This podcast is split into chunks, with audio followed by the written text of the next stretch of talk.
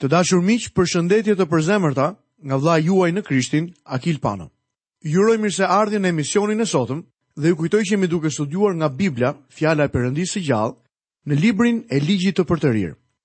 Sot do të ndalemi te kapitulli i 6 në studimin tonë në këtë libër. Tema që do të shqyrtojmë mbi këtë kapitull është dashuria dhe bindja. Ashtu sikurse e kemi thënë edhe më parë, Libri i Ligjit të Përtërirë thekson dy fjalë, dashurinë dhe bindjen, dhe jo ligjin dhe bindjen siç mund ta kemi marrë me mend. Në fakt dashuria e Perëndisë shprehet në ligj. Principi i madh i ligjit është dashuria. Për këtë arsye principi i vetë ungjillit shprehet në ligjin e përtërirë. Gjoni kapitulli 3 dhe vargu i 16 na thotë: Sepse Perëndia e deshi aq shumë botën, sa dha Birin e Tij të vetëmlindurin. Unë dhe ti e shprehim dashurinë ndaj Zotit në bindjen tonë ndaj Tij. Zoti ynë tha, Nëse më doni, zbatoni urdhërimet e mia. Ky është ende testi kryesor sot. Nëse do ta duam, atëherë do t'i mbajmë urdhërimet e tij. Shpëtimi është një lidhje, një raport, një marrëdhënie dashurie. Në letrën e parë të Gjonit apostulli në kapitullin e 4 dhe vargu 19 na thotë: Ne e duam atë sepse ai na deshi i pari. Zoti Jezus e citoi këtë si urdhërimin më të madh.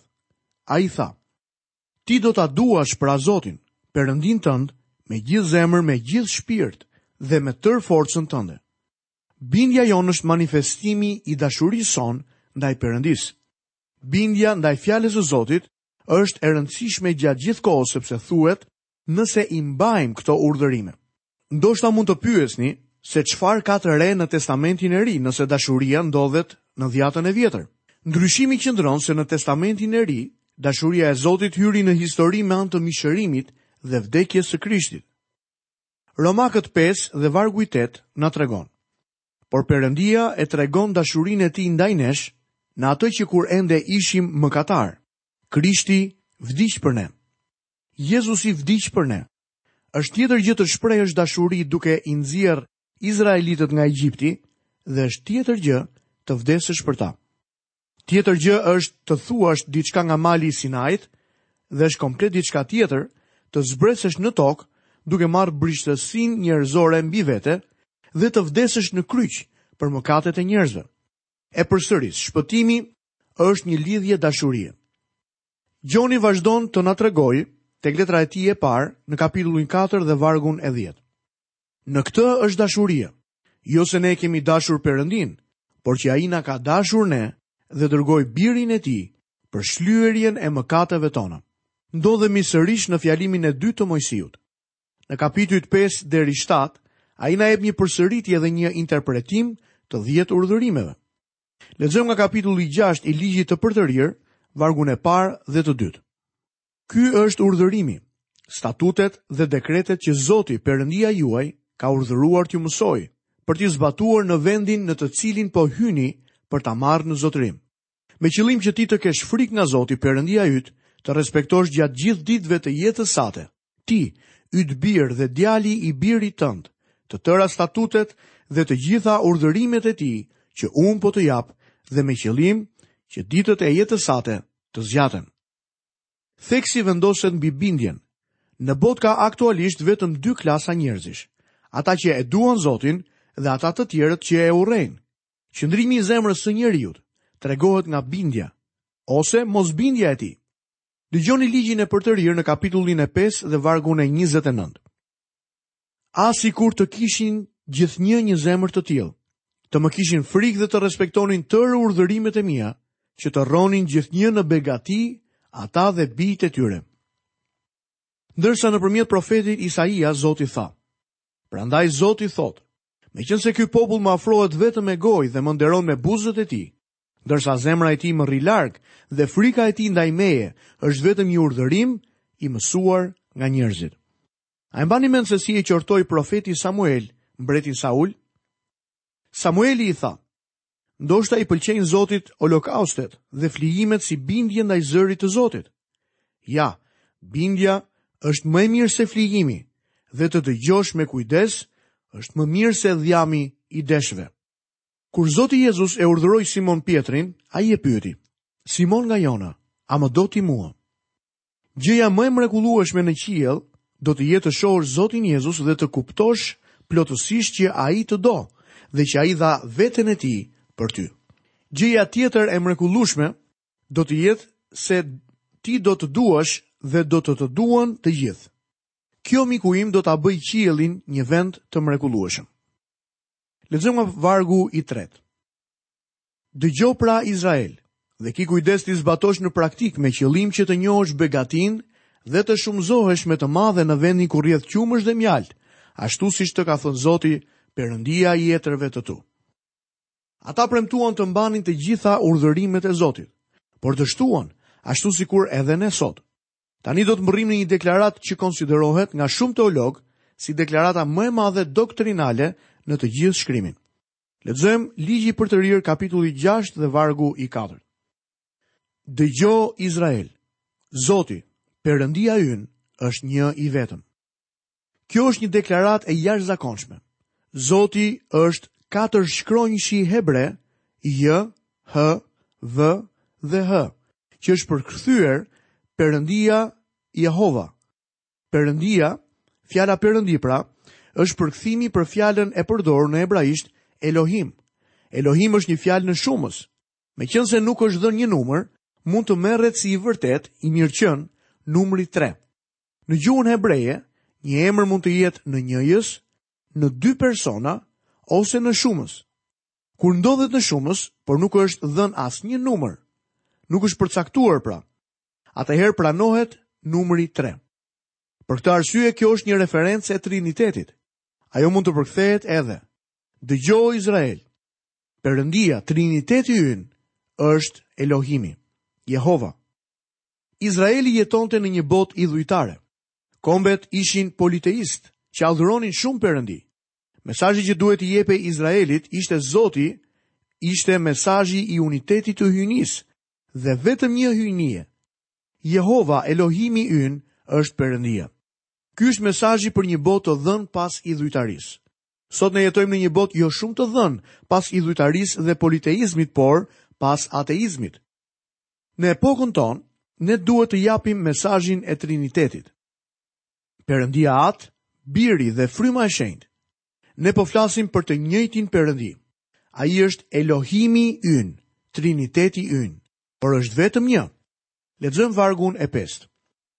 Ti do ta duash pra Zotin, Perëndinë tënd, me gjithë zemër, me gjithë shpirt dhe me tërë forcën tënde. Zoti ynë Jezus e citon këtë duke thënë se është urdhërimi më i madh nga të gjithë. Atëherë një nga skribët që e kishte dëgjuar diskutimin e tyre, duke kuptuar se ai u ishte përgjigjur mirë, iu afrua dhe e pyeti. Cili është i pari i të gjithë urdhërimeve? Dhe Jezusi u përgjigj. Urdhërimi i parë i të gjithëve është: Dëgjo o Izrael, Zoti, Perëndia ynë është i vetmi Zot. Dhe duaje Zotin, Perëndinë tënd, me gjithë zemrën tënde, me gjithë shpirtin tënd, me gjithë mendjen tënde dhe me gjithë forcën tënde. Ky është i pari urdhërim dhe i dyti i ngjan këtij. Duaje të afërmin tënd, porsi vetveten. Nuk ka urdhërim tjetër më të madh se këta. A është dikush në gjendje që ta plotësojë këtë urdhërim? Shumë prej nesh do të pohojnë se nuk e arrijnë dot. Ne nuk e duam Perëndinë me gjithë mendjen, zemrën dhe shpirtin tonë. Duhet të pohoj se nuk e arrij dot këtë, do të doja ta arrija, por bashkohem me Palin që thotë. Vëllezër sa për vete, nuk mendoj se e kam zënë, por bëj këtë. duke harruar ato që kam lënë nga pas dhe duke u prirur drejt atyre që kam përpara, por rend drejt synimit, drejt çmimit të thirrjes së lartme të Perëndisë në Krishtin Jezus. Dua të them që e dua Perëndinë vetëm kaq. Do të doja ta doja më shumë se kaq, por mundohem dhe mendoj se do t'ia arrij. Kjo është ajo që i kërkoi Zoti Simon Pjetrit kur e pyeti: A më do ti mua? Mendoj se do të na bënte të njëjtën pyetje edhe ne sot. Ne duhet të mësojmë ta duam Perëndinë, të ulemi te këmbët e tij dhe ta njohim. Ai është udhëheqësi i dhjetëra mijërave. Ai është krejtësisht i dashur. Pjetri tha: Zot, te kush të shkojmë? Ti ke fjalë jete të përjetshme. Ne kemi besuar dhe kemi njohur se ti je Krishti, biri i Perëndisë së gjallë. Jezu Krishti është shpëtimtari ynë. Ai është Zoti ynë, Perëndia ynë. Unë e adhuroj Zotin. Dëshiroj ta njoh atë më mirë. Çfarë do të thotë ai për ty? Ti do ta duash pra Zotin, Perëndinë tënd, me gjithë zemër, me gjithë shpirt dhe me tërë forcën tënde. Ndërsa tek Levitiku kapitulli 19 dhe vargu i 18, Zoti tha: Por do ta duash të afërmin tënd si veten tënde. Ai tha që i dyti i ngjan të parit. Miqtë e mi, Nuk ka mundësi të duash Perëndinë dhe të urresh në të njëjtën kohë njerëzit e tij. A e mbani mend se çfarë i tha Zoti Jezus Saulit kur po persekutonte të krishterët? Ai i tha, Saul, pse po më përndjek? Zoti është duke i thënë të njëjtën gjë edhe disa të krishterëve sot, edhe pse këta njerëz pretendojnë se e njohin dhe e duan Zotin. Ai pyet, Pse po më përndjek? Ata mund të protestojnë, nuk po të përndjek Zot, përkundrazi të dua. Atëherë Zoti do të përgjigjej. Atëherë pse e kritikon? Pse ngrihesh kundra vëllait tënd në besim kaq ashpër? Pse i kundërshton ata që përhapin fjalën e Zotit? Si ka mundësi që je bërë pengesë në vend që të ishe një ndihmë? Ne duhet të jemi shumë të kujdesshëm kur themi se e duam Perëndinë por në zemrën tonë kemi urrejtje për besimtarët e tjerë. Është e pamundur të flasësh për dashurinë e Zotit, ndërkohë që shpenzon kohën duke u përpjekur të shkatërrosh shërbesën apo jetën e dikujt tjetri. Kjo do të thotë të jesh zhurmëmadh dhe hipokrit i paturpshëm. Lexojmë vargun e 6. Dhe këto fjalë që sot po të urdhëroj do të mbeten në zemrën tënde. A e mbani mend që Davidi tha: E kam ruajtur fjalën tënde në zemrën time, që të mos mëkatoj kundër teje. Ky është vendi ku unë dhe ti duhet ta ruajmë fjalën e Zotit. Ajo duhet të jetë në zemrat tona. Le të lexojmë më poshtë vargjet shtatë deri në nëntë. Do t'ua ngulitësh bijve të tu. Do të flasësh për to kur rri ulur në shtëpinë tënde, kur ecën rrugës, kur ke rënë në shtrat dhe kur çohesh. Do t'i lidhësh si një shenjë në dorë, do të jenë si shirita midis syve dhe do t'i shkruash mbi pllakat e shtëpisë sate dhe mbi portat e tua.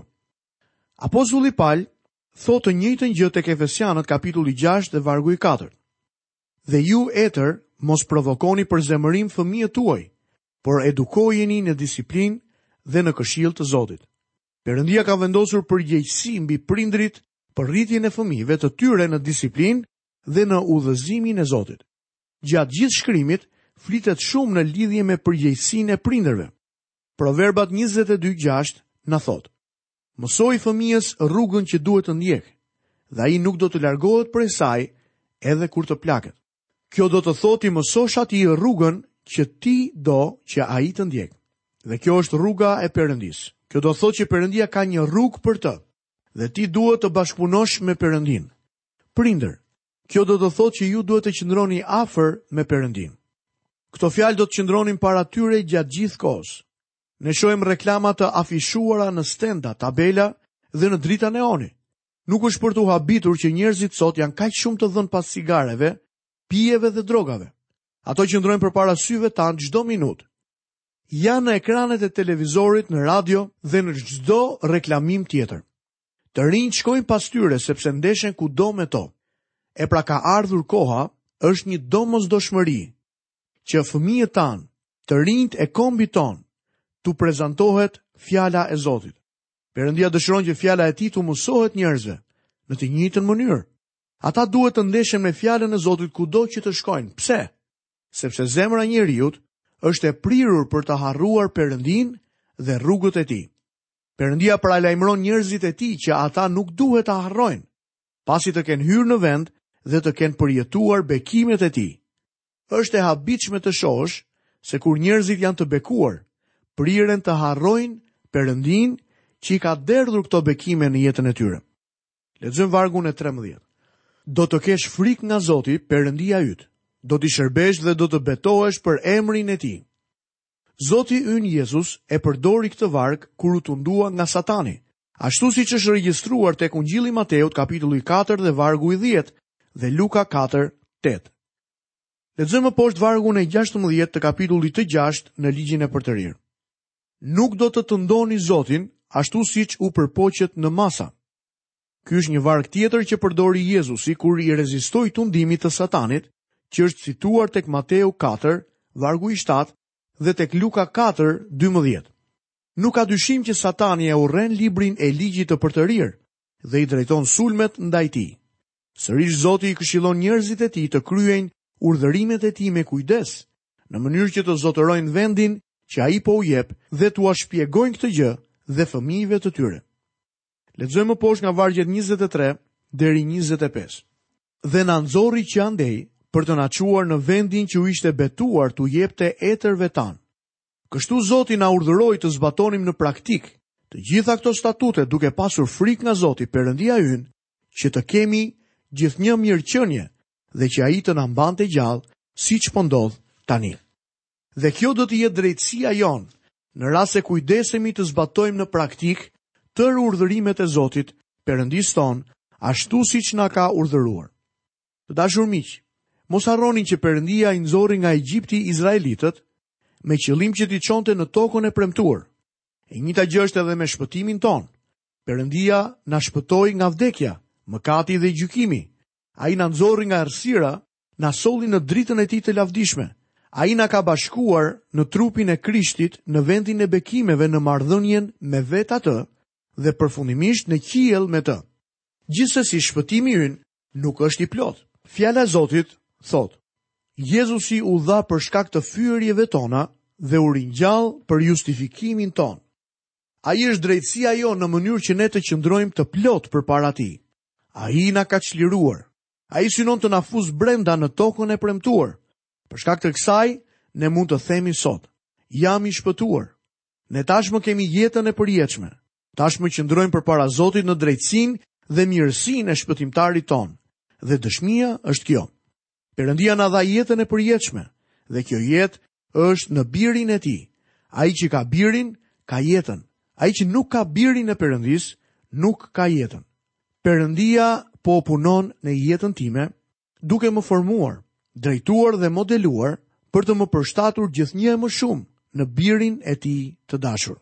Kjo nuk do të thotë të punosh për shpëtimin, por ta zbulosh atë në jetën tënde.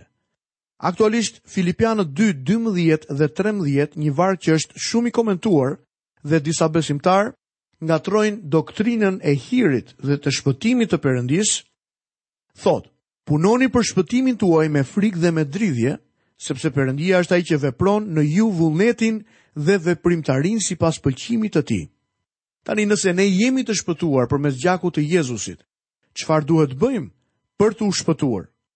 Kjo nuk do të thotë të punosh për shpëtimin, por të trajnosh shpëtimin në jetën tënde ose ta zbulosh që ti je i shpëtuar përmes veprave. Efesianët kapitulli 2, apostulli Pal zbulon që Perëndia ka përgatitur vepra që përpara krijimit të botës, vepra të mira pra, që neve të shpëtuar sot të mund të ecim në këto vepra.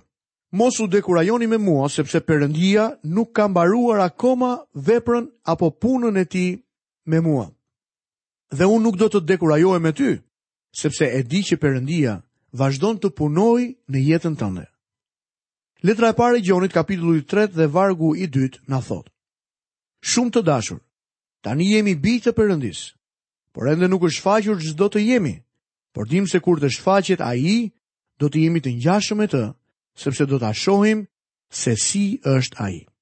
Një zonjë një herë u ngrit duke dëshmuar në një takim dhe tha se çdo i krishterë duhet të ketë të stamposur në shpinën e tij një tabelë që thotë, kjo nuk është më e mira që hiri i Zotit mund të bëjë, sa e vërtetë është kjo.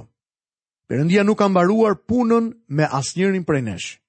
por kur ai do të shfaqet, ne do të jemi të ngjashëm me të. Të dashur miq, le të shohim pra, në qiell, nga ku jemi duke pritur dhe ardhjen shfaqjen e Zotit tonë Jezu Krisht. Lavdëroj Perëndinë për këtë shpresë të bekuar, që jo vetëm si të krishterë, kemi përgjigje për pyetjet, çështjet, nevojat që kemi çdo ditë në jetën tonë duke ia kërkuar Zotit, Por, në fund, destinacioni ynë përfundimtar është qielli, përjetësia me Perëndinë. Nga vëllai juaj në Krishtin Akil Pano, paçi të gjitha bekimet e Perëndisë dhe paqen e tij në jetën tuaj. Bashkë mirudëgjofshim në emisionin e ardhshëm.